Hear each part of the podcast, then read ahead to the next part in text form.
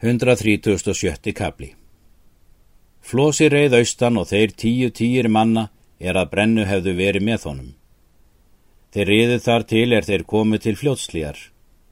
Skipuðu þá sigfúsinir til búa sinna og dvöldust þar um daginn, en um kveldi riðu þeir vestur yfir þjórsá og sváu þar um nóttina. En um morgunin snemma tóku þeir hesta sína og riðu fram á leið. Flósi mælti til manna sína. Nú munum við ríða í tungu til áskrims ellega Grímssonar til dagverðar og tróða ílsakar við hann. Þeir kváðu það velgert. Þeir ríða nú þar til er þeir eiga skamt í tungu. Áskrimur stóð útu og nokkuri menn með honum, þeir sjá þegar flokkin er mátti heimann. Menn áskrims mæltu. Þar mun vera þorgir skorargeir. Áskrimur mælti. Ekki innheldur ætla ég það, því að þessir menn fara með hlátri og gapi en frændur njáls, slíkir sem þorgir er, munu eigi hlæja fyrir nokkuð er hemmt brennunar. Og mun ég geta annars til og má vera að yður þykji það ólíklegt. Það er ætlun mín að vera muni flósi og brennumenn með honum og munu þeir ætla að tróða ílsakar við oss og skulu við nú innganga allir. Þeir gera nú svo. Áskrimur let sópa hús og tjálta og setja borð og bera mat á. Hann let setja forsæti með endilöngum bekkjum um alla stofuna. Flósi reyði túnið og bað menn stíga af hestum og ganga inn. Þeir gerðu svo. Þeir Flósi kom í stofuna. Áskrimur satt á palli.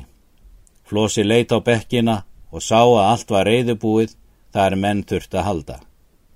Áskrimur kvatti þá ekki en mælti til Flósa. Því eru borðsett að heimullir matur þeim er hafa þurfa. Flósi stjöndir borð og allir menn hans en lögðu vopp sín upp að þýli.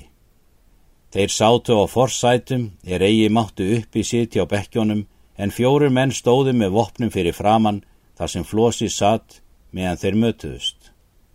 Áskrimur þagðu um matmálið og var svo rauður á að sjá sem blóð en er þeir voru mettir báru konur á borðum en sumar báru innar handlugar.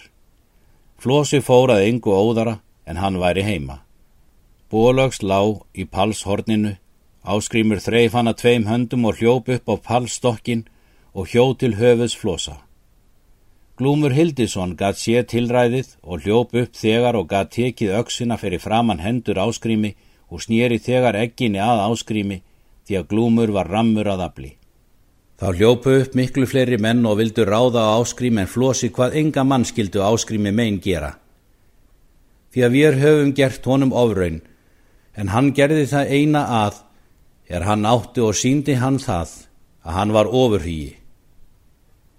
Flosi mælti til áskríms. Hér munu við nú skiljast heilir og finnast á þingi og taka þar til óspiltra mála. Svo mun vera, segir áskrímur, og myndi ég það vilja, um það er þessu þingir lokið að þér færu lægra.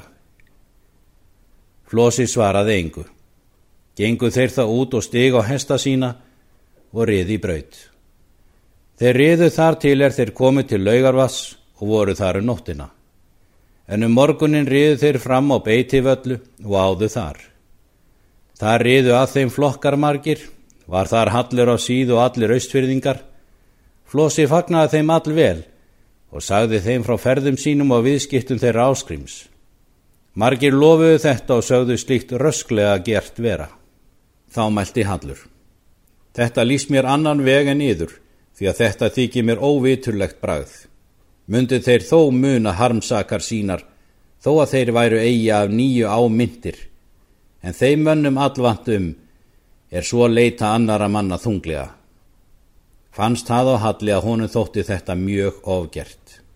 Þeir riðu þann allir saman þar til er þeir komið á völlu hinn að efri og fyltu þar liði sínu og riðu síðan á þingofan. Flósi hafði látið tjálta byrgisbúð áður hann riði til þings en austfyrðingar riðu til sinna búða.